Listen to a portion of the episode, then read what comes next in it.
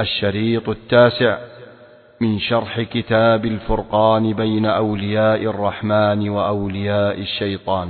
كالغناء ولا الغنى غناء المعازف يعني؟ غناء الفسق هذا؟ نعم إيش فيه؟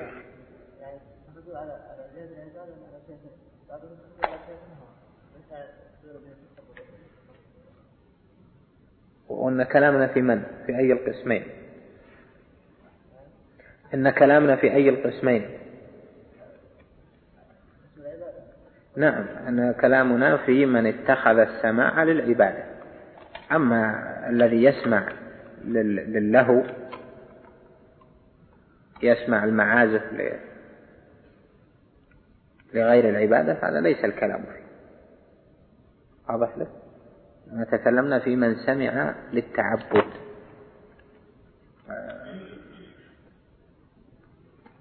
معازف معروف الكلام عليها والغناء.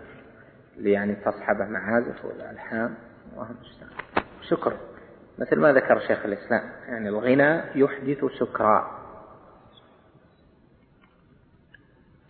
السكر يحصل بثلاثة أشياء. بالهوى وبالغنى وبالخمر. الهوى يعني هوى الرجل للصور للمرأة. المرأة وبالخمر وبالغنى. فإذا اجتمعت الثلاث سكر والعياذ بالله من جميع الجهات يعني سكر آه، عقله وسكر آه، بدنه إلى آخره. فإذا لم يكن خمر يكون سكر. يكون سكر. الهوى يسكر بمعنى أنه يغطي العقل عن الصواب. يعني يكون خمرا للعقل يعني يغطي العقل عن إدراك الصواب. كذلك الغنى.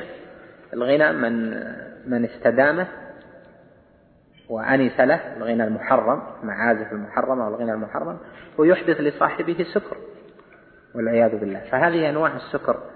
آه، إذا اجتمعت غطي السكر على صاحبه. يعني صار في أقبح أنواع السكر والعياذ بالله. نعم.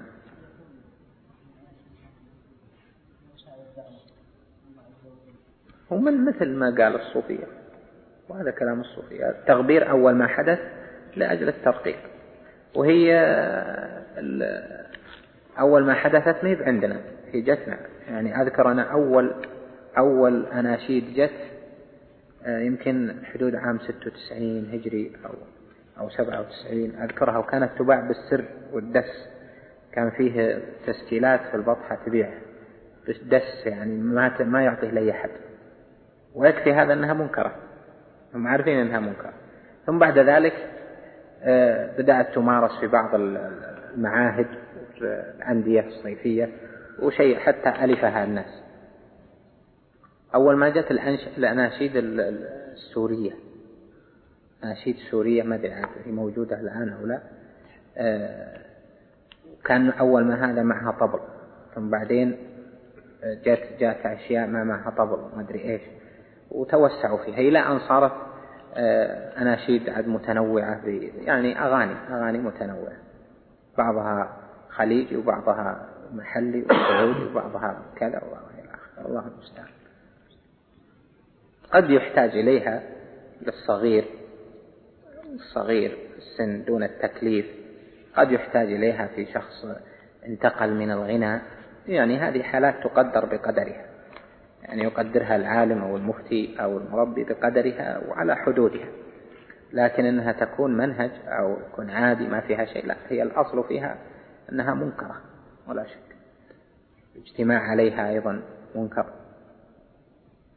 نعم. نعم.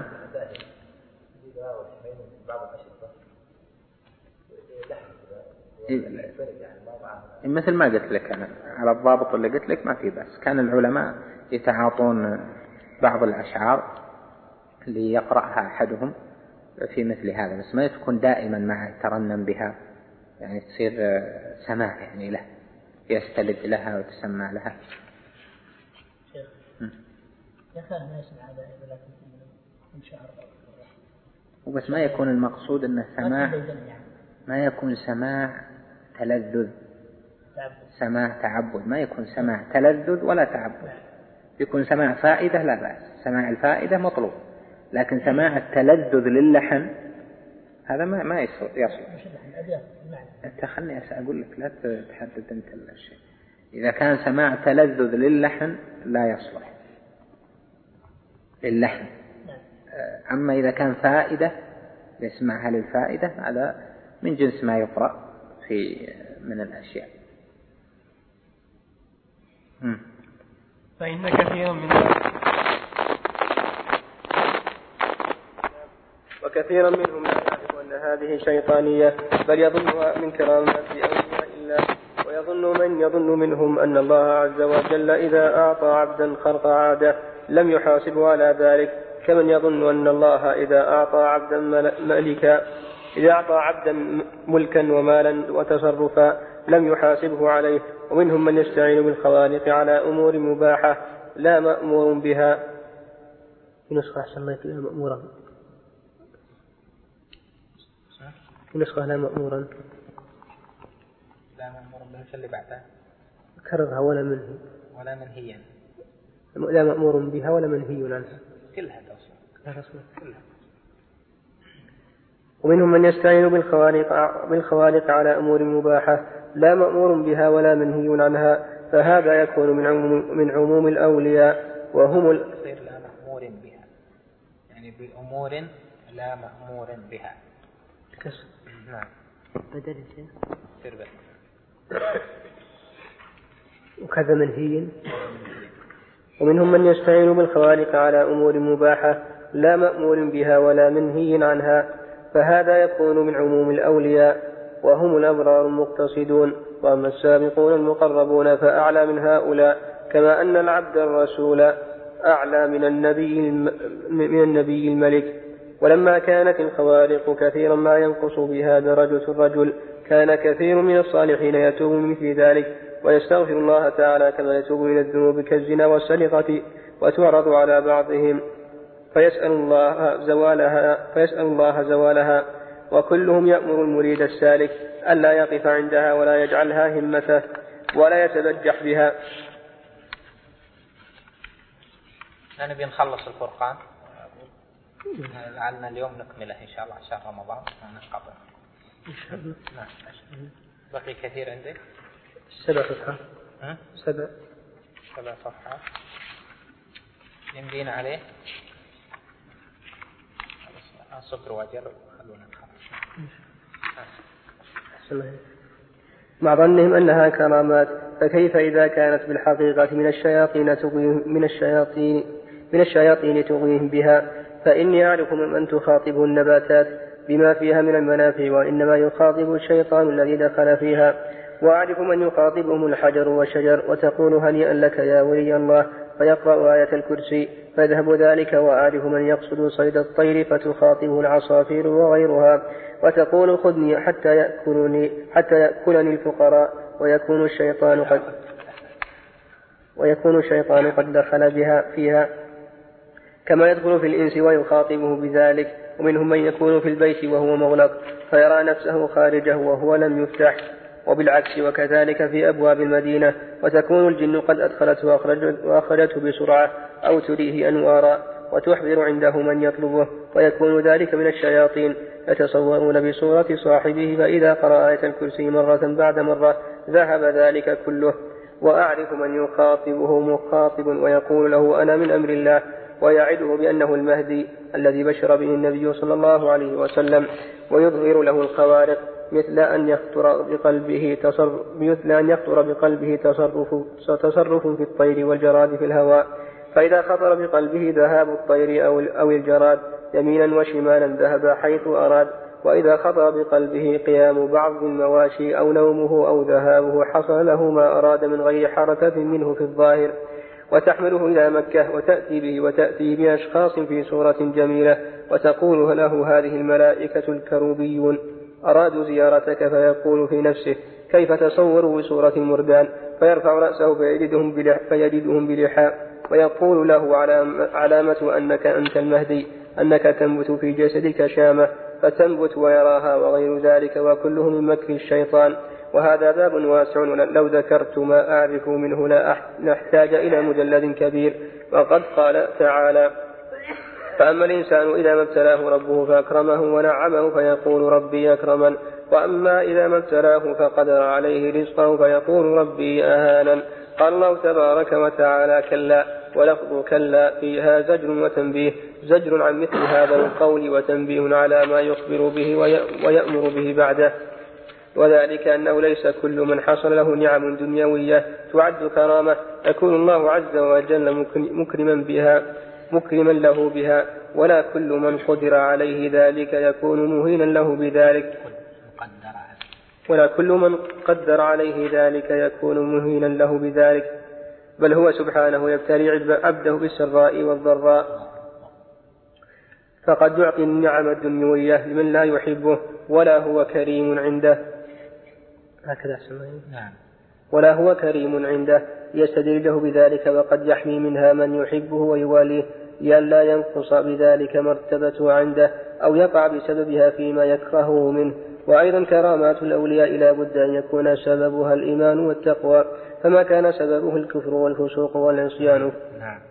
فما كان سببه الكفر فما كان سببه الكفر والفسوق والعصيان فهو من خوارق أعداء الله لا من كرامات أولياء الله. فمن كانت خوارقه لا تحصل بالصلاة والقراءة والذكر وقيام الليل والدعاء وإنما تحصل عند الشرك وإنما تحصل عند الشرك مثل دعاء الميت والغائب أو بالفسق والعصيان وأكل المحرمات كالحياة والزنابير والخنافس والدم وغيره من النجاسات ومثل الغناء والرقص لا سيما مع النسبة الأجانب والمردان وحالة خوارقه تنقص عند سماع القرآن وتقوى عند عند سماع مزامير الشيطان. فيرقص ليلا طويلا فإذا جاءت الصلاة صلى قاعدا أو ينقر الصلاة نقر الديك وهو يبغض سماع القرآن وينفر عنه ويتكلفه. ليس له فيه محبة ولا ذوق ولا ولا لذة عند وجهه ويحب سماع المكاء والتصدية ويجد عنده مواجد فهذه أحوال شيطانية. وهو ممن يتناوله قوله وهو ممن يتناوله قوله تعالى ومن يعش عن ذكر الرحمن نقيض له شيطانا فهو له قرين فالقرآن هو ذكر الرحمن. قال تعالى ومن أعرض عن ذكري فإن له معيشة ضنكا ونحشره يوم القيامة أعمى. قال رب لم حشرتني أعمى وقد كنت بصيرا. قال كذلك أتتك آياتنا فنسيتها وكذلك اليوم تنسى. يعني تركت العمل بها. قال ابن عباس رضي الله عنهم رضي الله عنهما تكفر الله لمن قرأ كتابه وعمل بما فيه ألا يضل في الدنيا ولا يشقى في الآخرة ثم قرأ هذه الآية. فصل. وإما يجب أن يعلم أن الله بعث محمدا صلى الله عليه وسلم إلى جميع الإنس والجن فلم يبق إنسي ولا جني إلا وجب عليه الإيمان بمحمد صلى الله عليه وسلم واتباعه. فعليه أن يصدقه فيما أخبر ويطيعه فيما أمر ومن قامت عليه الحجة برسالته فلم يؤمن به فهو كافر سواء كان إنسيا أو جنيا. ومحمد صلى الله عليه وسلم مبعوث إلى الثقلين باتفاق المسلمين. وقد استمعت وقد استمعت الجن القرآن وولوا إلى قومهم منذرين لما كان النبي صلى الله عليه وسلم يصلي بأصحابه ببطن نخلة. لما رجع من الطائف وأخبره الله بذلك في القرآن بقوله وإذ صرفنا إليك نفرا من الجن يستمعون القرآن فلما حضروه قالوا أنصتوا فلما قضي ولوا إلى قومهم منذرين قالوا يا قومنا إنا سمعنا كتابا أنزل من بعد موسى مصدقا لما بين يديه يهدي مصدقا لما بين يديه يهدي إلى الحق وإلى طريق مستقيم. يا قومنا أجيبوا داعي الله وآمنوا به يغفر لكم من ذنوبكم ويجركم من عذاب أليم. ومن لا يجب داعي الله فليس بمعجز في الأرض وليس له من دونه أولياء. أولئك في ضلال مبين.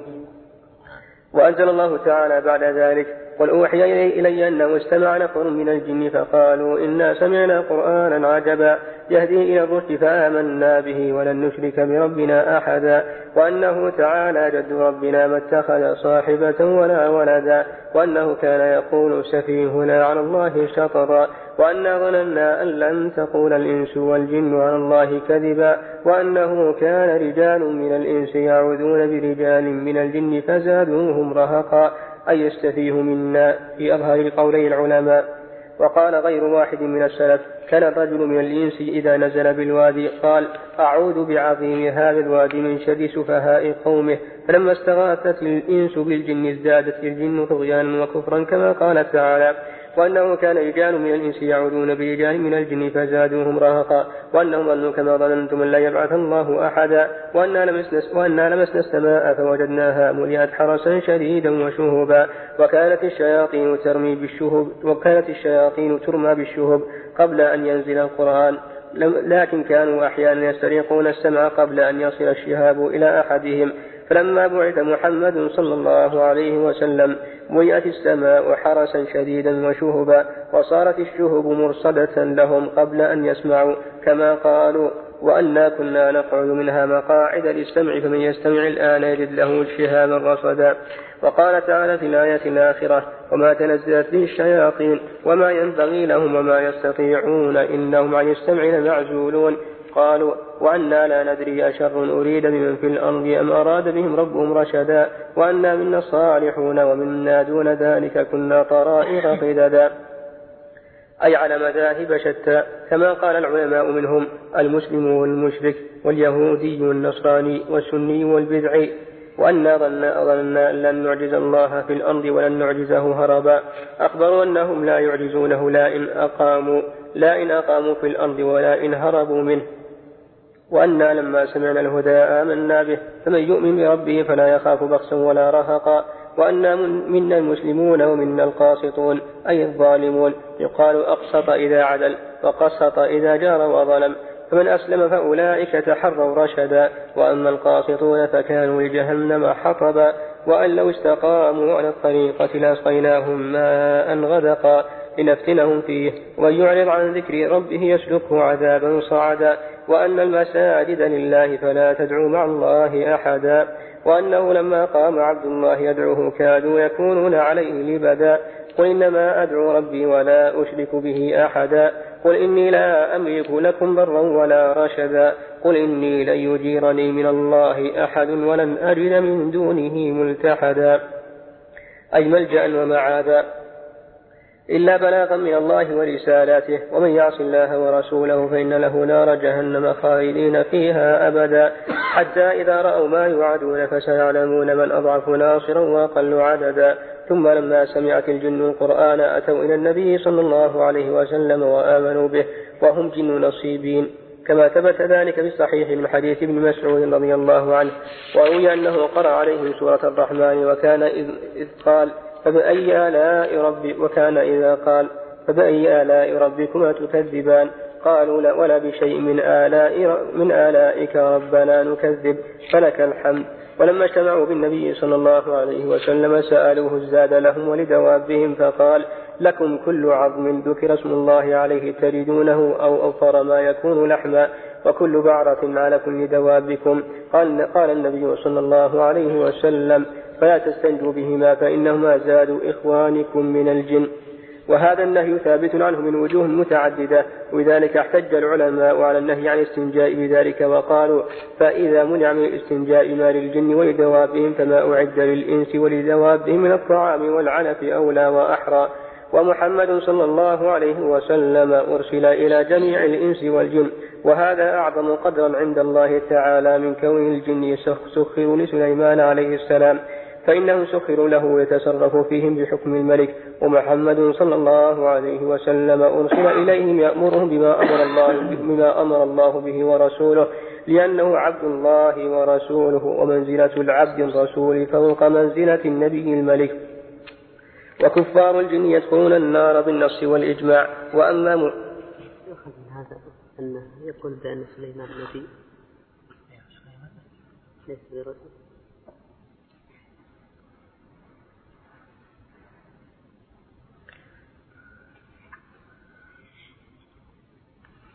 نقل منزلة العبد الرسول فوق منزلة النبي المنزل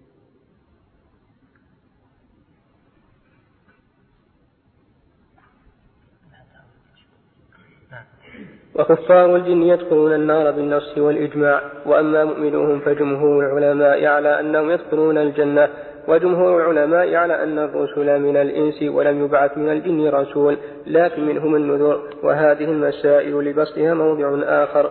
والمقصود هنا أن الجن مع الإنس على أحوال فمن كان من الإنس يأمر الجن بما أمر الله به ورسوله من عبادة الله وحده وطاعة نبيه ويأمر الإنس بذلك فهذا من أفضل أولياء الله تعالى. وهو في ذلك من خلفاء الرسول صلى الله عليه وسلم ونوابه. ومن كان يستعمل الجن, في أمور مباحة له فهو كمن استعمل الإنس في أمور مباحة في أمور مباحة له. وهذا كان يأمرهم بما يجب عليهم وينهاهم عما حرم عليهم عما حرم عما حرم عليهم ويستعملهم في مباحات له. فيكون بمنزلة الملوك الذين يفعلون مثل ذلك. هذا إذا قدر أنه من أولياء الله تعالى فغايته أن يكون في عموم أولياء الله تعالى. مثل النبي الملك مع العبد الرسول كسليمان كسليمان ويوسف مع إبراهيم وموسى وعيسى ومحمد صلوات الله وسلامه عليهم أجمعين. ومن كان يستعمل الجن فيما ينهى فيما فيما ينهى الله عنه ورسوله فيما ينهى الله عنه ورسوله إما في الشرك وإما في قتل معصوم الدم.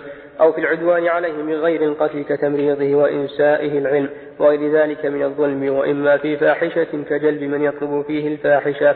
فهذا قد استعان بهم على الإثم والعدوان ثم إن ثم إن استعان ثم إن استعان بهم على الكفار ثم إن استعان بهم على الكفر فهو كافر وإن استعان بهم على المعاصي فهو عاص إما فهو عاص إما فاسق وإما مذنب غير فاسق وإن لم يكن تام العلم بالشريعة.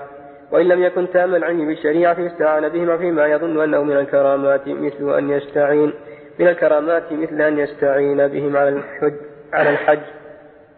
مثل أن يستعين بهم على الحج أو أو أن يطيروا به عند السماع البدعي أو أو أن يحملوه إلى عرفات ولا يحج الحج الشرعي الذي أمر الله به ورسوله أن يحملوه من مدينة إلى مدينة ونحو ذلك. فهذا مغرور قد قد مكروا به. وكثير من هؤلاء قد لا يعرف أن ذلك من الجن بل قد سمع أن أولياء الله لهم كرامات خوارق لهم كرامات خوارق للعادات. هذا الفصل ذكر فيه شيخ الإسلام رحمه الله أحوال الجن من جهة التكليف ومن جهة النبوة ومن جهة استجابتهم لنبينا محمد عليه الصلاة والسلام وما أنزل الله جل وعلا فيهم من قرآن يتلى. ومن جهة علاقة الإنس بالجن. وسبب هذا الفصل أن طائفة من الذين يدعون الولاية يقولون نستخدم الجن فيما ينفعنا. وهذا كان كثير في أنه يكون للإنس يكون للإنس ولي من الجن يساعده على أموره. والجن كما ذكر سابقا هم الذين يعينون أصحاب الخوارق بل يعينون من يدعون الولاية من أهل البدع والفجور والشركيات يعينونهم على الخوارق ويفعلون بهم أشياء حتى يغووا الناس بهم. والمقصود من هذا الفصل هو أن علاقة الإنس بالجن مبينة في الكتاب والسنة وأنها ليست متروكة لاجتهاد الناس فيما يرون أنه ينفع. فالنبي عليه الصلاة والسلام مبعوث إلى الثقلين الجن والإنس بعامة وهذه البعثة معناها أنهم يؤمرون وينهون. وأن التكليف الذي على الإنس تكليف على الجن وأن الجن ليسوا بخارجين عن شريعة محمد عليه الصلاة والسلام. فإذا ما يكون بدعة في حق الإنس هو بدعة في حق الجن وما كان وسيلة إلى الشرك في حق الإنس يكون وسيلة إلى الشرك في حق الجن وما كان شركا في حق الإنس يكون شركا في حق الجن. ولهذا كان الساحر الذي يستخدم الجن كان كافرا لأنه استعان بهم في أمور أشرك فيها وأولئك دعوه إلى الشرك فصاروا هم كفارا وصار الساحر أيضا كافرا. كما قال جل وعلا وما يعلمان من أحد حتى يقولا إنما نحن فتنة فلا تكفر.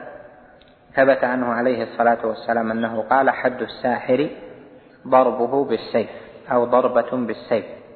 والصحيح أن هذا حد ردة وليس آه، حد تعزير أو قصاص كما هو مبسوط في موضعه.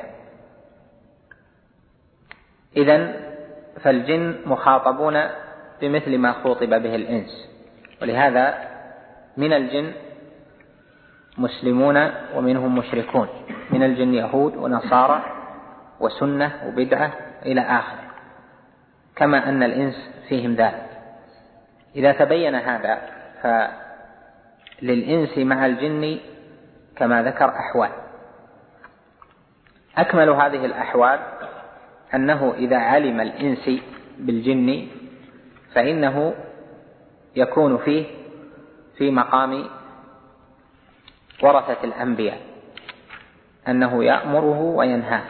يأمره بطاعة الله وينهاه عن معصية الله. كما يحصل لبعض أهل العلم إذا قرأوا على أحد وكلمهم الجني الذي يكون متلبسا بالإنس فإنه إذا نطق فإنهم يعلمونه التوحيد وينهونه عن الشرك ويأمرونه بالإحسان وينهونه عن التعدي والظلم الذي منه دخول الجن في هذا الإنس. فيأمرونه بما أمر الله جل وعلا به ورسوله وينهونه عما نهى الله جل وعلا ورسوله صلى الله عليه وسلم. وهكذا كان عليه الصلاة والسلام وورثة الأنبياء يفعلون ذلك. لا يطلبون منهم ولا يسألونهم بل يأمرونهم وينهونهم ويتلون عليهم القرآن والسنة إقامة للحجة عليهم وتعليما لهم وأمرا بالمعروف ونهيا عن المنكر كما يفعل هذا مع الإنس سواء بسواء لأنهم مكلفون. والحالة الثانية أن الإنسي قد يحتاج إلى جن في أمر مباح وهذا لا حرج أن يستخدم الإنسي الجنية إذا احتاج إليه في أمر مباح لكن هذا بشرط وهو أن لا يكون هذا ديدنا له يعني يؤاخي قرينا. من الجن أو إذا احتاج علما أو خبرا طلب من جني معين. بل الاستخدام اللي قال هنا شيخ الإسلام ومنهم ومن كان يستعمل الجن في أمور مباحة يعني إذا عرض له الجن. استعمله في أمر مباح. أما أن يكون الجني مؤاخيا مستخدما دائما فهذه ليست بالحالة الجائزة. لأن هذه تفضي إلى محرم. والله جل وعلا قال في وصف الإنس والجن ربنا استمتع بعضنا ببعض. ومعنى الاستمتاع يعني الديموم أن الجن يستمتع دائما بالإنس والإنس يستمتع دائما بالجن كما يستمتع الرجل بصديقه المدايم الدائم معه وكما يستمتع الرجل بمتاعه وبأهله إلى آخره مما يكون ملازما له. إذا عرض فإنه يخاطبه قد يطلب منه أشياء ويستخدم في أمر مباح. وهذا على وجه القلة لا على وجه الديمومة يعني من عرض له جني فاستفاد منه في أمر مباح فلا يقال هذا خارج عن الشريعة. لكن من كان له جني يقول أنا أستخدم هذا الجني المعين دائما فهذا لا شك أنه محرم لأنه لم يأتي عليه دليل لا من الكتاب ولا من السنة ولم يكن عليه فعل أهل العلم والسلف بل كانوا يفعلون بالجن ما كان عليه حال النبي عليه الصلاة والسلام وحال أصحابه من بعد.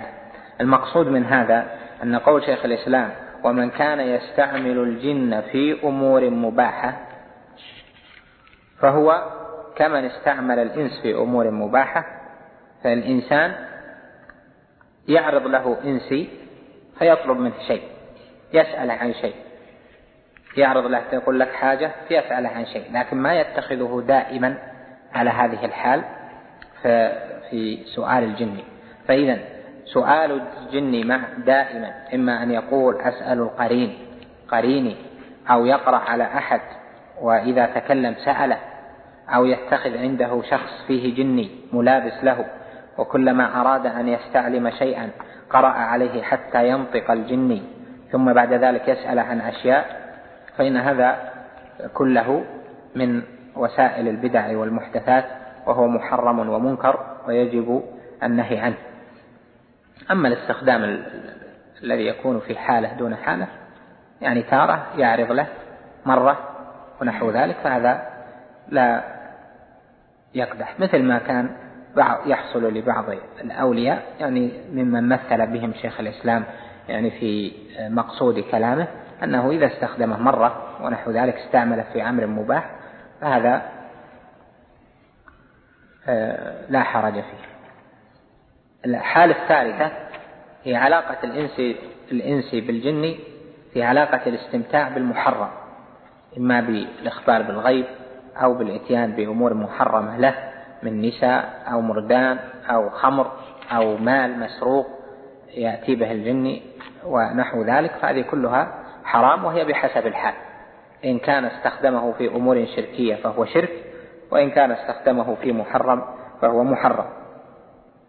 ثم ذكر في آخر الكلام قال إن استعان بهم على المعاصي فهو عاص إما فاسق وإما مذنب. غير فاسق.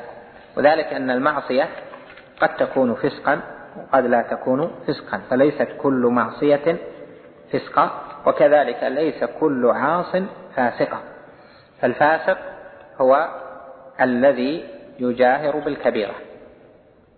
الفاسق هو الذي يجاهر بالكبيرة هذا الذي عليه حد الفسق والفسق المجاهرة بالكبيرة. أما فعل الصغائر فليس بفسق وكذلك الكبيرة إذا استسر بها فليس فلا يحكم عليه بالفسق. لقوله كل أمتي معافى إلا المجاهرون.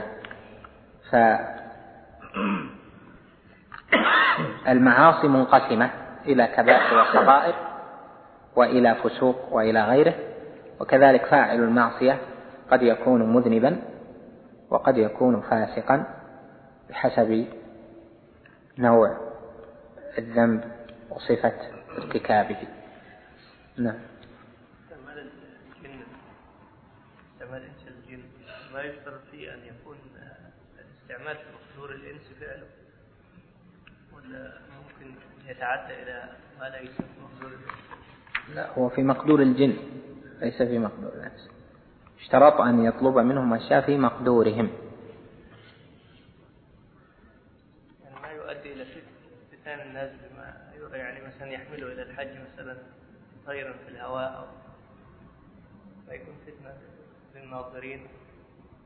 هو فتنة إذا حدث به إذا حدث به أو بين لهم أن هذا من ولايته إلى آخره. يعني هذا بحسب الذي يحصل له.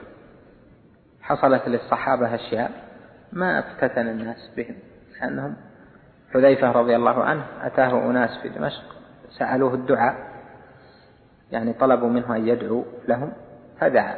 ثم أتوه مرة أخرى فطلبوا منه الدعاء فأنكر عليه. وقال أنبياء نحن. ففرق ما بين الاستمرار والحالة. هذا أصل مهم.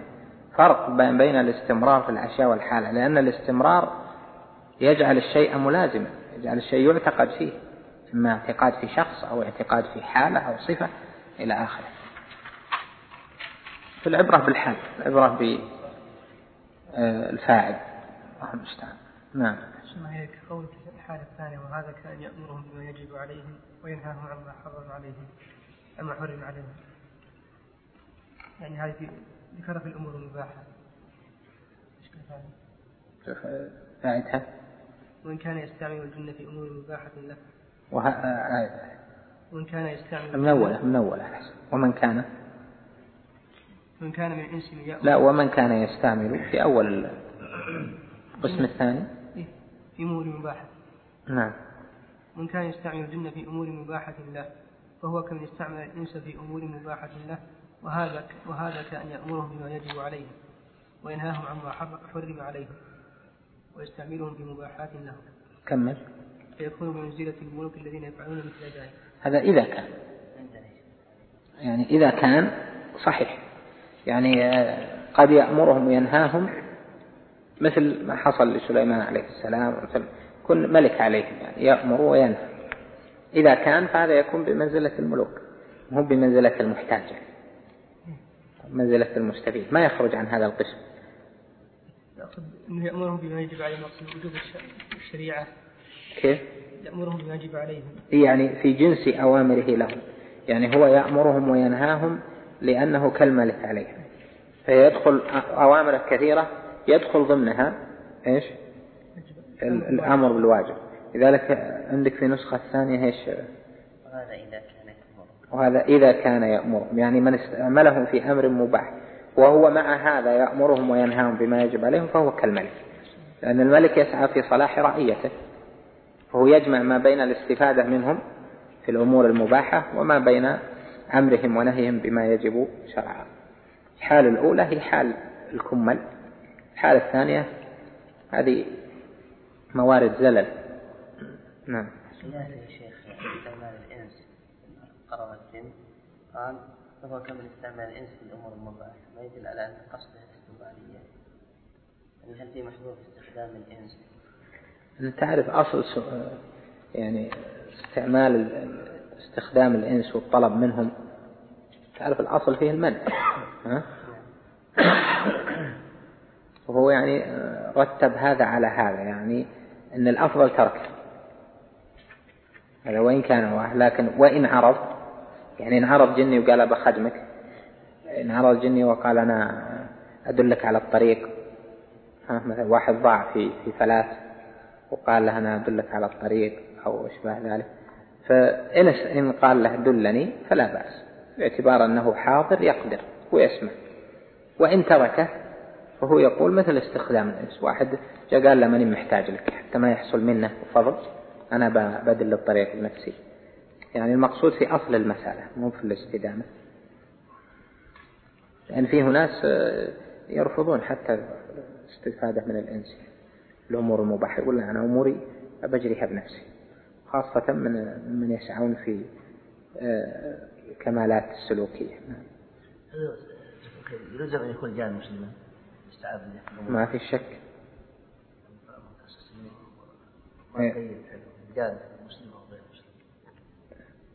يعني هو مثل استعمال الإنس يعني قصدك أنه استعماله في أمور مباحة. يعلم الإنس أنها مباحة. ها؟ فهذا إذا جاء جني عرض له. مسلم أو غير مسلم لا بأس به. إذا كان الأمر مشتبها إذا كان الأمر مشتبه عليه ما يدري فلا بد أن يكون مسلم. يعني مثل استخدام الإنس لأنه ما يأمن الجني الكافر. ولا يشترط هنا ما أعرف أن أهل العلم قالوا تسأله أنت مسلم ولا غير مسلم؟ يعني يسأل الإنسي أنت مسلم ولا غير مسلم؟ لكن إذا جاء من جهة الكيد فيحذر الجني إذا جاء من جهة قبول الخبر الجني خبره ضعيف لا يصدق بل يكون على البرهان. مثل بعض الناس يجيه اللي يقرؤون يجي الجن وينطق يقول هذا فيه بلاء أو يعلمه بعض الأشياء وزوجته ما أدري وش سوت والى خبر الجن أصله ضعيف ما يصدق. لأن الجن هذا لا تعلم عدالته ولا تعلم صدقه ولا تعلم ديانته. كيف تأخذ خبره وتنقله للإنس؟ يحصل مشاكل يحصل مصائب وقطيعة بسبب نقل خبر الجني إلى إلى الإنس. يقول لا فيكم بلاء مسوي لكم كذا وكذا. الزوجة أم الزوج فاعلة لك كذا وكذا من من جهة الجني والجني خبره ضعيف ما يصدق فلا يجوز نقله. خبر الجني حتى تعلم عدالته. العلم بعدالة الجني آه، متعذرة. ولهذا قال أهل العلم في المصطلح مصطلح الحديث وحديث الجن ضعيف. حديث الجن ضعيف. يعني إذا كان في الإسناد إذا كان في الإسناد جني فالإسناد ضعيف. وفيه روايات كثيرة معروفة في أسانيدها جن لكن هي ضعيفة.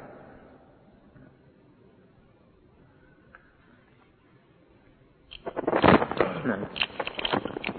وكثير من هؤلاء قد لا يعرف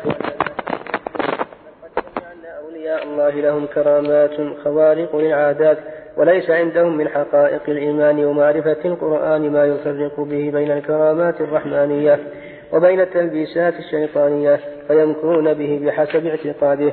فإن كان مشركا يعبد الكواكب والأوثان أوهموه أنه ينتفع بتلك العبادة ويكون قصده الاستشفاع والتوسل ممن صور ذلك الصنم على صورته من ملك أو نبي أو شيخ صالح. فيظن أنه يعبد ذلك النبي أو الصالح. وتكون عبادته في الحقيقة للشيطان.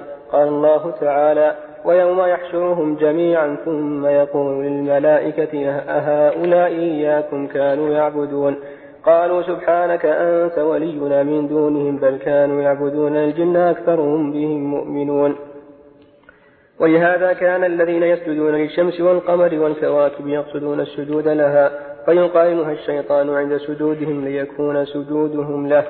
ولهذا يتمثل الشيطان بسورة من يستغيث به المشركون فإن كان نصرانيا واستغاث بجرجس أو غيره. جرجس؟ واستغاث بجرجس أو غيره جاء الشيطان في سورة فإن كان نصرانيا واستغاث بجرجس أو غيره جاء الشيطان في سورة جرجس أو من يستغيث به وإن كان منتسبا إلى الإسلام واستغاث بشيخ بحسن الظن به من شيوخ المسلمين. جاء في سورة ذلك الشيخ وإن كان من مشرك الهند جاء في سورة من يعظمه ذلك المشرك. ثم إن الشيخ المستغاث به إن كان ممن له خبرة بالشريعة لم يعرفه الشيطان أنه تمثل لأصحابه المستغيثين به وإن كان الشيخ ممن لا خبرة له ممن لا خبرة له أخبره بأقوالهم ونقل أقوالهم له فيظن أولئك أن الشيخ سمع سمع أصواتهم من البعد وأجابهم وإنما هو يتوسط الشيطان. ولقد أخبر بعض الشيوخ الذين قد كان الذين كان قد جرى لهم مثل ما مثل هذا بصورة مكاشفة ومخاطبة. فقال يريني الجن شيئا براقا مثل الماء والزجاج ويمثلون له فيه ما يطلب منه الإخبار به. قال فأخبر الناس به ويوصلون إلي كلام ويوصلون إلي كلام من استغاث بي من أصحابي فأجيبه. فيوصلون جوابي إليه وكان كثير من الشيوخ الذين حصل لهم كثير من هذه الخوارق. إذا كذب إذا كذب بها من, لا من لم يعرفها وقال إنكم تفعلون هذا بطريق الحيلة. كما يدخل النار بحجر الطلق.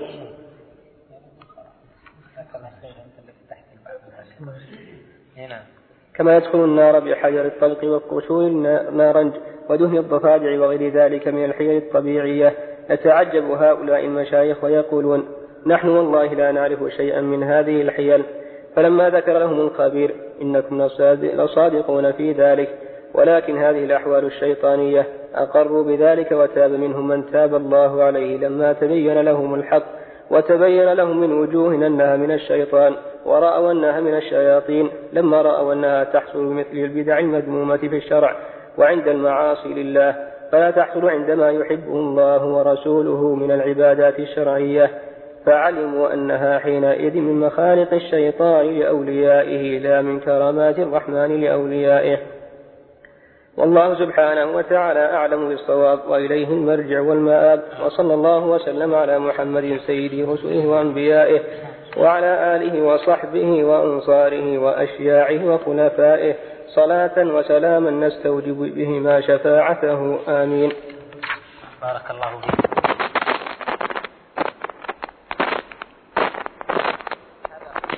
لهذه الرسالة النافعة رسالة الفرقان بين أولياء الرحمن وأولياء الشيطان.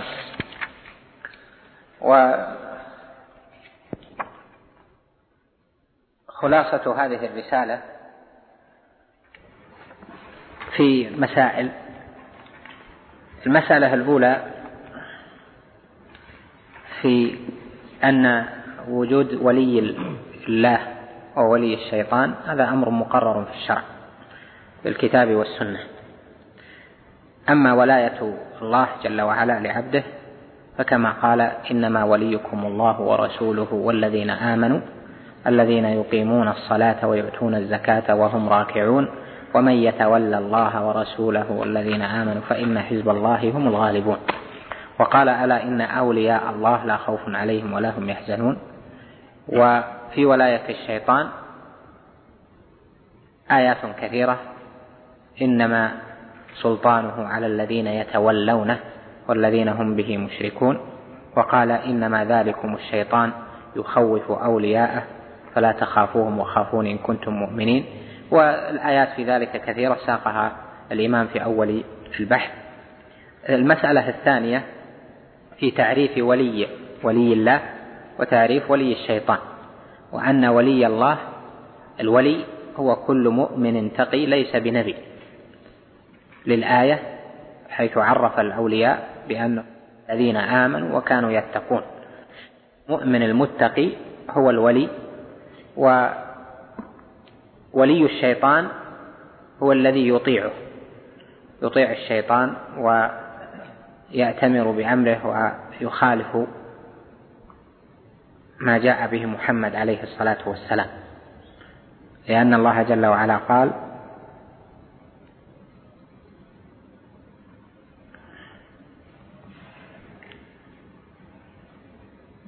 ألم أعهد إليكم يا بني آدم ألا تعبدوا الشيطان؟ يعني بطاعته في ارتكاب الحرام بأنواعه وفي ترك الفرائض بأنواعها.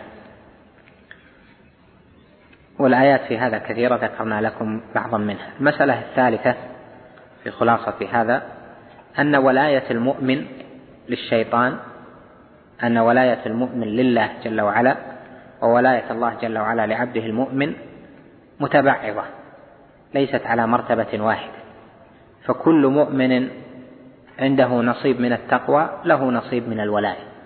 فالإيمان والتقوى متبعضة فكذلك الولاية متبعضة وكذلك ولاية الشيطان للعبد والعبد للشيطان متبعضة فكل عاص له نصيبه من ولاية الشيطان.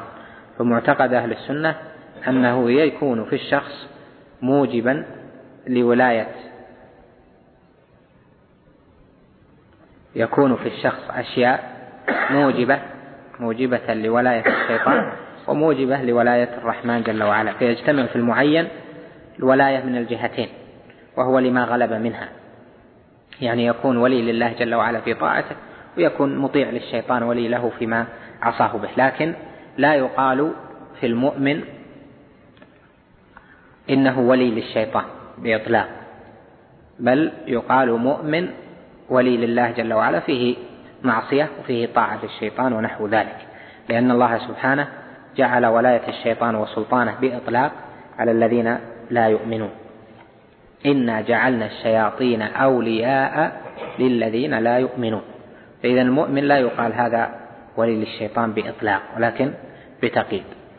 المسألة الرابعة أن لأولياء الرحمن علامات ولأولياء الشيطان علامات. وذكرها شيخ الإسلام في في الكتاب. المسألة الخامسة أن أولياء الرحمن لهم كرامات. والكرامة عرفت بأنها أمر خارق للعادة يجري على يدي ولي. وأن حصول الكرامة لا يعني رفعة من حصلت له. على من لم تحصل له بل قد يكون من لم تحصل له كرامة أرفع ممن حصلت له كرامة. هذا قررها في كتابه. و ما يحصل لأولياء الشيطان من خوارق هي خوارق شيطانية. من جهة الشيطان يعينهم وليس الله جل وعلا يكرمهم بذلك ليسوا بأهل للإكرام. فإذا يجب أن ينظر في الفرق ما بين ولي الرحمن وولي الشيطان من جهة العمل جهة طاعته لله ورسوله وليس ذلك عماده الخوارق. قد تحصل الخوارق الشيطانية لبعض الناس.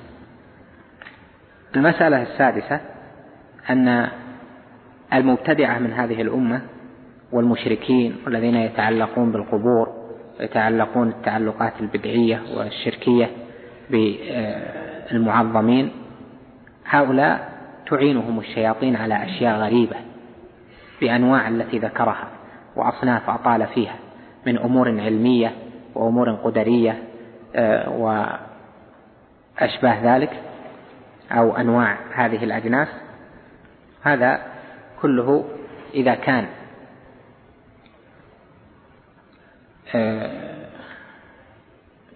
لمن ليس على الإيمان والتقوى. يعني آه، إيش قلنا؟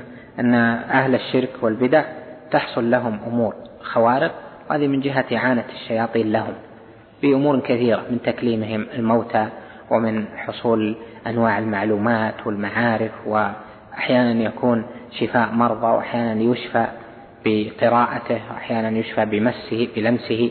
أو, أو بكتابته أو ما أشبه ذلك.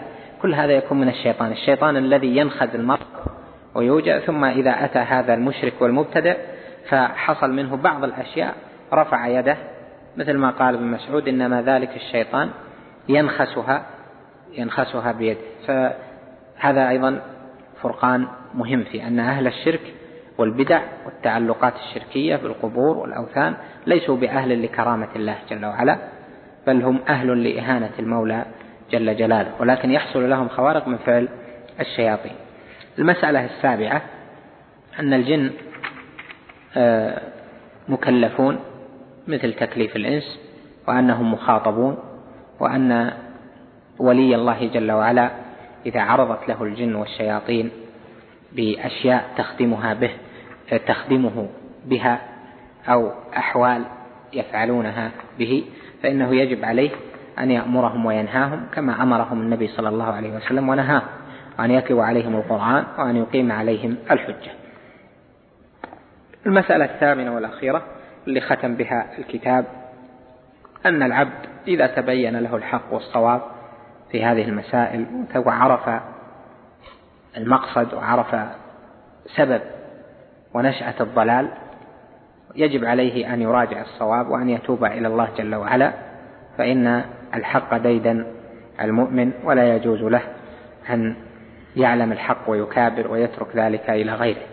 كما ذكر أن طائفة من الناس عرفوا الحق في ذلك وأن ما يأتيهم من الشياطين فاستغفروا وأنابوا وتركوا موجبات إعانة الشيطان من البدعة والشرك وإلى آخره إلى موجبات إعانة الرحمن جل جلاله وتوفيقه وهو وهي السنة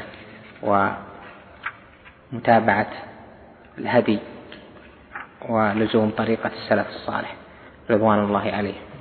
وهذا ختام هذه الرسالة وأسأل الله جل جلاله أن ينفعنا بما سمعنا وأن يقر العلم في قلوبنا وأن لا يحجبه عنا ولا عن أحبابنا بذنوبنا ومعاصينا كما أسأله سبحانه. أن يلزمني وإياكم كلمة التقوى وأن يجعلنا من الدعاة إلى دينه والمعلمين شريعة نبيه عليه الصلاة والسلام للناس أجمعين. إنه سبحانه جواد كريم وصلى الله وسلم وبارك على نبينا محمد. نعم. نعم. بالوعد. الوعد الصادق.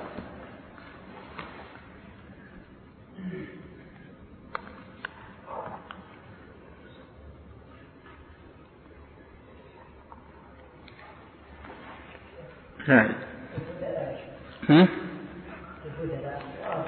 الأبدال. الأبدال. نعم.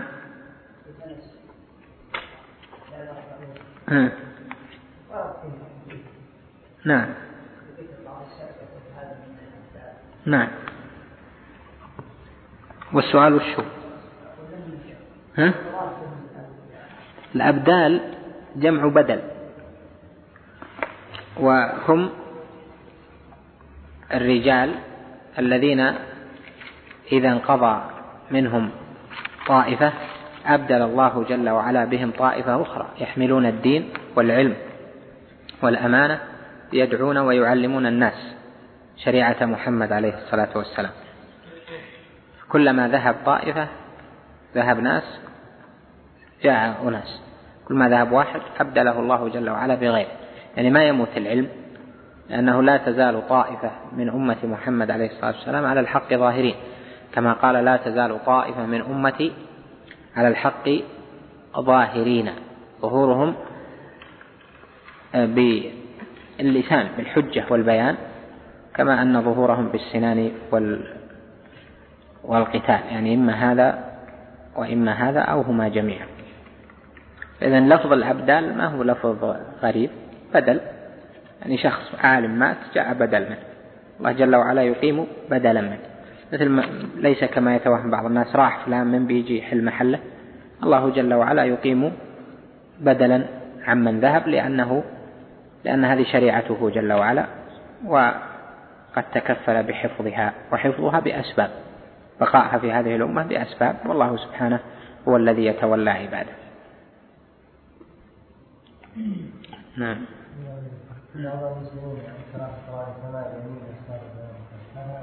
كيف؟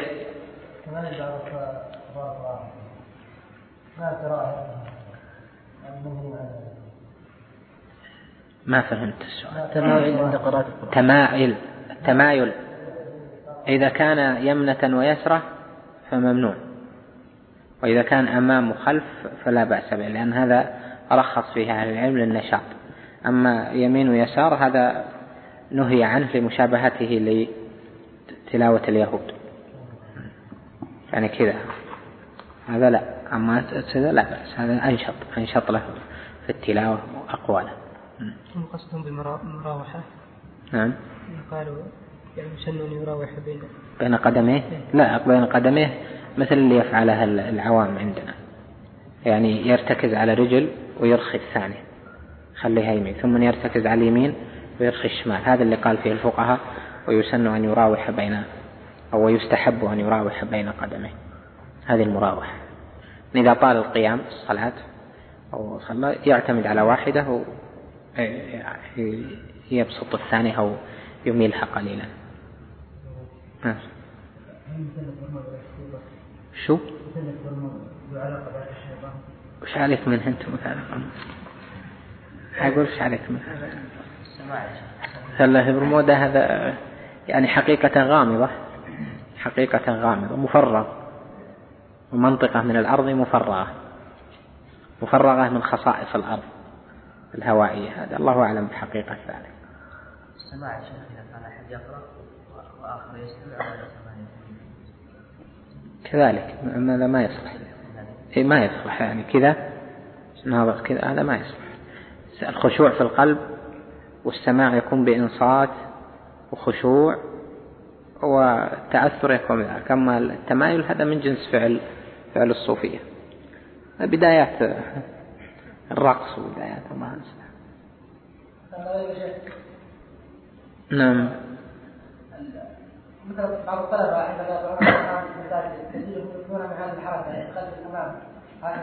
ما فيها شيء هذه ما في بأس. والله إذا كان أنه هو يريد أنشط له أنشط له في الحفظ فلا بأس. لأنه أحيانا ما يقدر يثبت على حاله يكون نشيط. إذا كان كذا أنشط له وهو يحفظ وهو يقرأ فلا لا بأس من باب التنشيط. لأنها ليست هي صفة صفة اليهود. ذكروا في سورة الأعراف ذكر المفسرون في سورة الأعراف أن اليهود يتمايلون يمينا وشمالا. وأول من أحدث هذا السامري وأضلهم السامري أحدث أشياء فيهم من ضمنها أنه عند قراءة عند القراءة يتمايلون وهو اللي ذكرها أبو حيان في البحر المحيط قال آه أنها حدثت في مصر في مشابهة بفعل اليهود اللي هي التمايل عند القراءة يمين ويسار. ما حكم استخدام الجن لفك السحر؟ ما يجوز. استخدام الجن في هذه الأمور ما يجوز. السحر يفك بالطريقة الشرعية بالنشرة الشرعية فقط. ينشر عنه بالقرآن بالسنة بالأدعية المباحة بالأدعية المشروعة أو الأدعية المباحة أو الوسائل المباحة النافعة يعني المجربة النافعة. أما استخدام أو التعلق بأمور غيبية أو استخدام الجن كل هذا من وسائل الشرك نسأل الله العافية. حتى الشيخ لو حفظك الله عرض الجن نفسه قال وعرض هذا الإنس عنده يعني سحر وعرض عليه انه يفك سحر. يعني ما سأله الجن اللي عرض حل المسألة حصلت ولا كذا بس؟ لا السؤال. ما هو بحاصل. لأنها أصل أصل السحر أصل السحر يكون بعقد جني. يعني الإنسي يستعين بجني يخدم هذا السحر. ولا مثلا شيء أكل أو يعني سائل أو شيء بيجعل فيه أو ورقة يسحر من يلمسها. هي في الواقع سبب ما ما يكون مؤثرا. يعني مثلا هذه الورقة نسأل الله العافية مثلا صار فيها سحر. أنا لمستها خلاص أثرت علي. هل التأثير بسبب الورقة الورقة نفسها أم بالجن الذي لابس هذه الورقة يعني جعل خادما لها الورقة إذا لمسها فعل كذا. ولهذا الجن لهم ملوك وشياطين يستخدمهم الإنس. السحرة في سحرة كبار. يستخدم ملوك الجن بما يتقرب إليهم ويعبدهم من دون الله ويذبح لهم ويهين الشريعة ويهين القرآن إلى آخره. واضح؟ إيه. مسألة كبيرة هذه مسألة كبيرة. الجن عالم ما, ما نعرفه نؤمن به ولم نره. نؤمن به ولم نره لأن الله جل وعلا أخبرنا بذلك فنؤمن به ونصدق ولو لم نره. حصل حقيقة مثلا أحد الإخوان يقرأ على امرأة وكان لها قال يا ليت لما سمعت القرآن هي اللي ظهر عليها التعوذات الأولى هذه مقالة حدث لها شلل يعني بسبب سحر فلما حضر الجن على خالة هذه دلهم على مكان في السحر فذهبوا فعلا المكان وجدوا اللي دلهم عليه فأخرجوه فعادت يعني. هذا مسألة ثانية. هذا يمكن يمكن. إذا أخبره إذا أخبره إخبار وتثبت منه فوجده وانتفع طيب. هذا من باب استخدامهم في الأمور هذا لا بأس به. لكن آه، أنه يعرض عليها أنا بفك السحر. كذا. هذا ما يجوز له لأنه هو سيغويه بأنه يفعل أشياء عشان يفك السحر وبيوقع في شرك وبلاء. لكن يأتي مثلا جني ولأن الجني يدخل في الإنسي من جنس اعتداء هو اعتداء من جنس اعتداء الإنسي على الإنسي يعني يكون مثلا آه، سفيه. مثل مثلا واحد يكون ضعيف يمر بشارع وفيه آه، غلمان فيه شباب يستخفون يقومون يرجمونه ولا يعتدون له وانت فيك كذا وانت فيك كذا. شافوه ضعيف ربما أحيانا دفوه ولا آذوه ولا إلى آخره. كذلك الجن إذا رأت امرأة ضعيفة وحاولوا يعني رأوها في ضعف وفيها خوف وفيها إلى آخره تسلطوا عليها. من باب الاعتداء وإنهم يضحكون عليها ويستمتعون بها ويلعبون بها وإلى آخره. كذلك في الإنس. يعني هي شبيهة اعتداءات الجن على الإنس مشبهة في أصلها باعتداءات الإنس على الإنس. يستخفونها. يجي مثلا واحد قوي يشوف واحد ضعيف اعتدى عليه أو جاء مكان مثلا واعتدى على مكانه فدخل فيه ليؤذيه في الأذية أو يذهب عنه ثم يدخل يدخل فيه يأتيه أحيانا ويدخل فيه ويؤذيه وهكذا. فالإنسي حالته مع الجن يعني مع الجن هي حالة يعني في الأصل حالة عدة ليست حالة موالاة هي الأصل أن الإنس والجن ليس متفقين بل هما أعداء لأن الإنس آه، لأن الجن منهم الشياطين. أنت ما تعلم حالته ولا تعلم فيه بس بل تعلم أن الجن يجب أن تأمرهم وتنهاهم بس. أما استخدامهم واستفادة منهم إلى آخره هذا الأصل فيه عدم الجواز ما يفتح الباب. ولما فتح بعض الناس الباب على نفسه ما استطاع غلقه. باب الاستفادة هذا ما استطاع غلقه ويأخذ الإثم من أفتاه. بذلك لأن هذا وسيلة من وسائل الشرك. وذكر ابن ابن ابن بشر في أول تاريخ نجد. ذكر في أوائل تاريخ نجد أن أهل نجد ما كانوا يعرفون الشرك. الشرك اللي في القبور والتعلق بالأشجار والغيران والأحجار وإلى آخره.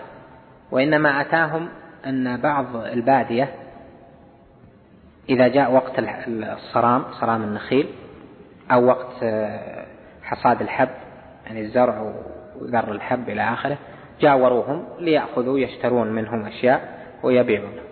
فصاروا يتطببون يعني البدو يتطببون يقول حنا نطب ترى عندنا طب. يجيبون لهم هذه المريضة نفسيا ويجيبون لهم كذا وصاروا يرشدونهم إلى أشياء شركية. قال اذبحوا كذا اعملوا كذا عندكم قبر فلان ادعوا عنده. وإلى آخره حتى تعلق الناس بالقبور فنشأت في القرى هذه الأشياء.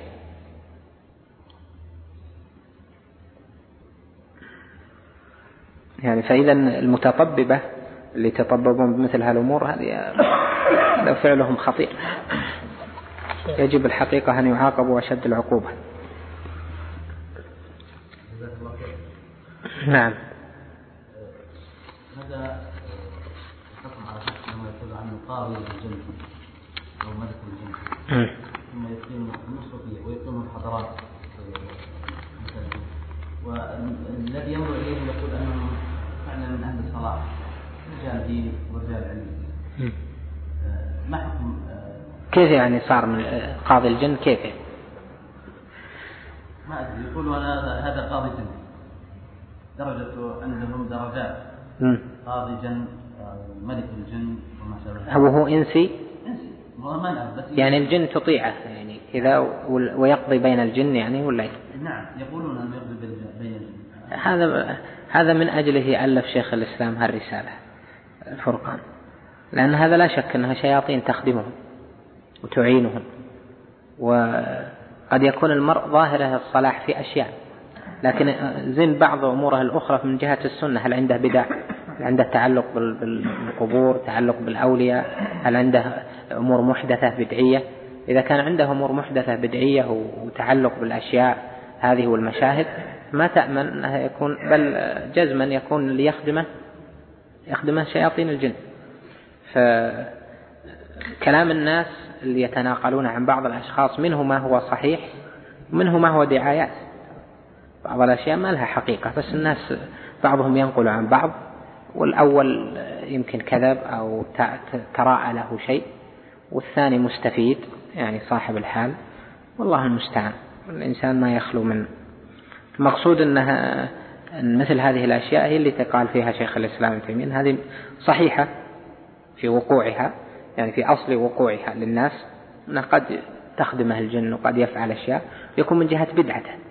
عنده بدع عنده وسائل شرك عنده الشركيات لذلك تخدمه الشياطين حتى تضل الناس باسمه.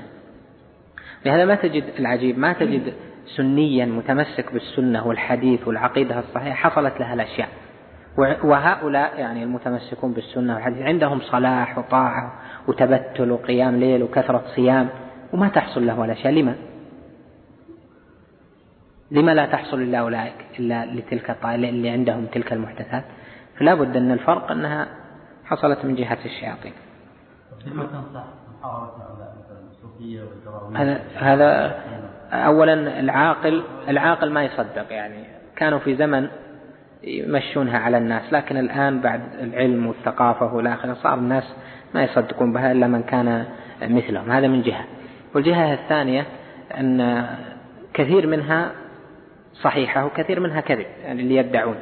ما نقول كلها كذب كثير منها صحيحة وكثير منها كذب. فهو الواجب على طالب العلم في مثل هالمسائل أن يقوم مقام النبوة يعني في وراثة العلم النبوي. هذه أعظم منزلة. أن يكون وارثا لمحمد عليه الصلاة والسلام وارث لسنته عليه الصلاة والسلام. الأنبياء لم يورثوا دينارا ولا درهما وإنما ورثوا العلم. فمن أخذه أخذ بحظ وافر. هؤلاء تتلو عليهم السنة خاصة تشوف كتب شيخ الإسلام ابن تيمية. فيه لأنه عاش في تلك البلاد ويعرف أحوالهم بتفصيل سواء كانت في العراق أو الشام أو مصر.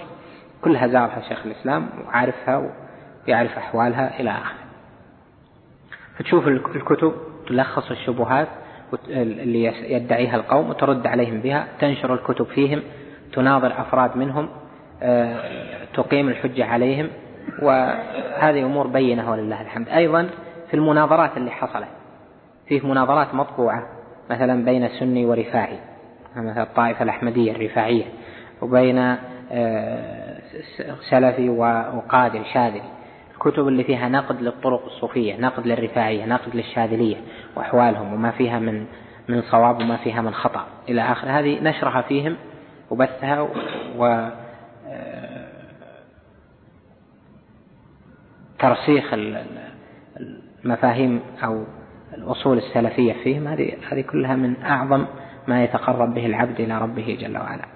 لا شك أن أزمنة زمن جهاد زمننا هذا زمن جهاد. ما ندري وش نواجه ولا ندري وش لكن الواحد يجب عليه أن يعمل ما في وسعه. والأمر لله جل وعلا من قبل ومن بعد. ما نستطيع نواجه هذا كله يعني من جميع جهات الأعداء المشركون الكفار بأنواعهم المنافقون رؤوس الضلال بأنواعهم آه، من أصحاب الطرق وإلى آخره اللي يضلون الناس. آه، المخالفة للسنة في طوائف كثيرة الغلو البدع الجفا في الناس أصحاب الشهوات. يعني المسألة كبيرة جدا. ولا يجوز لنا أن نقول اتسع الخرق على الراقع ولا أن الناس لن يصلحوا له. هذا لا يجوز لأن من قال هلك الناس فهو أهلكهم. وسبب هلاكهم ما يجوز نقول هلك الناس فسد الناس ما عاد في الصلاح لا تزال طائفة من أمة محمد عليه الصلاة والسلام على الحق ظاهرين إلى قيام الساعة. نسأل الله جل وعلا أن يجعلنا منهم. لكن المسألة تحتاج إلى جهاد. الواحد لا يحقر من المعروف شيئا الكلمة. أولا تتعلم. العلم به تصبح عالما مجاهدا طالب علم بما عندك. العلماء يختلفون درجات ومراتب. لكن كل ينفع بما عنده. الواحد إذا تعلم علم وأرشد. وبين وأمر وأمر بالمعروف ونهى عن المنكر في في المكان بالطرق الشرعية في أي مكان بالطرق الشرعية. ولا في المسألة الأمن تواجه؟ مسألة كبيرة جدا. والزمن إذا كان زمن جهاد فلا يعني أن يستخفنا الذين لا يوقنون. لأن الله جل وعلا قال فاصبر إن وعد الله حق ولا يستخفنك الذين لا يوقنون. الذين لا يوقنون بأصنافهم من كفرة ومشركين ومبتدعين ومنافقين ما يستخف وارث الأنبياء. ما يستخف لا في أقواله ولا في تصرفاته ولا في أفعاله بل يسير على نهج محمد عليه الصلاة والسلام وعلى ما قام عليه الدليل ولو صار اللي صار. الذي خلق الخلق وعمل يعني وقضت حكمته جل جلاله أن يكون تكون هذه الأشياء وهذا الابتلاء هو الرب جل جلاله. ما لنا في ذلك حيلة. ويخلق ما يشاء ويفعل ما يريد سبحانه. لكن ابتلى العباد بهذه الأشياء. فيجب علينا أن نجاهد وأول سلاح في يدنا الآن هو العلم. لذلك أكثر ما نحرص عليه العلم لأنه هو الآن هو وسيلة الجهاد. فيه جهاد الآن بلا علم في جهاد السيف غير موجود. كيف؟ أمر بالمعروف ونهي عن المنكر بماذا؟ جهاد بأي شيء ما في عندنا الآن لا جهاد بالقرآن. فلا تطع الكافرين وجاهدهم به جهادا كبيرا. فإذا الوسيلة العلم. نتعلم ونجاهد ونعلم وندعو ونصابر وفعل الذين لا يوقنون ما يستخفون. ضل الناس أظلمت الأرض. هذا لا يستخف ولا يجعلنا نستعجل أشياء ولا يجعلنا نتكلم بأشياء غير مشروعة أو نندفع بعواطف غير آه، موزونة بوزن الشرع. إننا نسير على وفق الهدي النبوي. الله جل وعلا هو الذي خلق الخلق. قضت حكمته أن تحدث هذه الأشياء العجيبة والمنكرة. ابتلانا بذلك. أوجب علينا الجهاد في هذا كل بحسب حاله ويجب علينا أن نسعى في هذا. بس أما إصلاح الناس تغيير الأحوال هذا ليس عليك هداهم ولكن الله يهدي من يشاء لكن لا تقصر. ما نقول هذا الأمر لله رضينا بما حصل ولا نعمل شيئا. هذا فعل الذين لا يعلمون معنى التوكل فعل العجزة. وفعل المؤمن أنه يؤمن بحكمة الله وبقدره ويرضى بقضائه ولكن الأمور المنكرة يجب إنكارها ويجب جهادها حسب الطريقة الشرعية. وهذه الآية يجب أن لا تغيب عن بال أحد منا. فاصبر أوجب الصبر.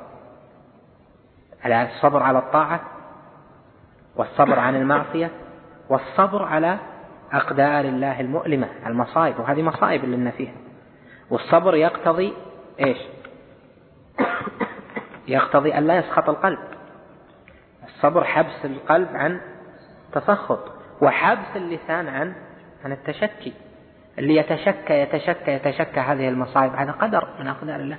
يتشكى دائما يتشكى. هذا ما ما صبر. الصبر يقتضي حبس اللسان عن التشكي وحبس القلب عن التسخط. وحبس الجوارح عن أن تعمل بغير طاعة الله. يعني واحد ما فعل أمورا منكرة من خروج أو وسائل خروج أو آه، فعل أشياء ما هذا ما صبر. الله جل وعلا أمر بالصبر.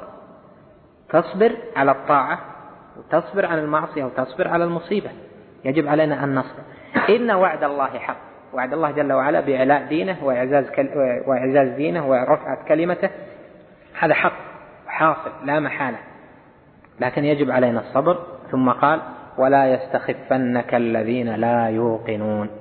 الذين لا يوقنون ما يستخفون لأنهم قد يعملون أشياء يستخفون الناس يستخفون أهل العلم يستخفون الدعاة يستخفون الصالحين يستخفون الشباب حتى يعملوا أشياء ثم يضربونهم بأشياء ثم يصدوا الناس عن الدين. وهو أكثر ما يحصل من أمور سببت مفاسد من جراء عدم الامتثال لما جاء في الشريعة. ولو علم الناس وقبل الناس كلام أهل العلم وتصبيرهم وحثهم لا كان كل خير. لكن من طبيعة الشباب الملل يبي كل شيء يصلح ثم بعدين ينتبه. طيب بعد إيش؟ ما يصلح هذا. يعني فاصبر إن وعد الله حق. اصبر. بدأت المجاهرة الله إذا كان الآن الجماعة بدأوا المجاهرة مثلا انتشروا بدأوا يفتحوا دواوين لهم يجاهدون تتعلم وتجاهد. هذا أمر الله جل وعلا. هذا حصل. إيش نعمل؟ نقتلهم. نجاهدهم بالقرآن. جهاد بالسنة. جهاد ودعوة وتحذير من الناس وتأليف ونشر وجمع المال في سبيل طبع المؤلفات ومضادتهم ومضايقتهم وإلى آخره. وقت الجهاد بالسيف وقام آه، قام الإيمان به وأذنوا به وصار فيه إمكان للمؤمنين صار وقت جهاد. أما إذا ما صار وقت جهاد بالسيف وجهاد بالعلم. والمسألة هذه كبيرة لكن تحتاج إلى إلى تأمل وسؤال من الله جل وعلا أن يبصر العبد فيها بالحق. اللهم رب جبرائيل وميكائيل وإسرافيل. اهدنا لما اختلف فيه من الحق بإذنك فإنك تهدي تشاء إلى صراط مستقيم. سبحانك اللهم وبحمدك تستغفرك وأتوب إليك. مع تحيات مركز الوسائل بوزارة الشؤون الإسلامية والأوقاف والدعوة والإرشاد بالمملكة العربية السعودية.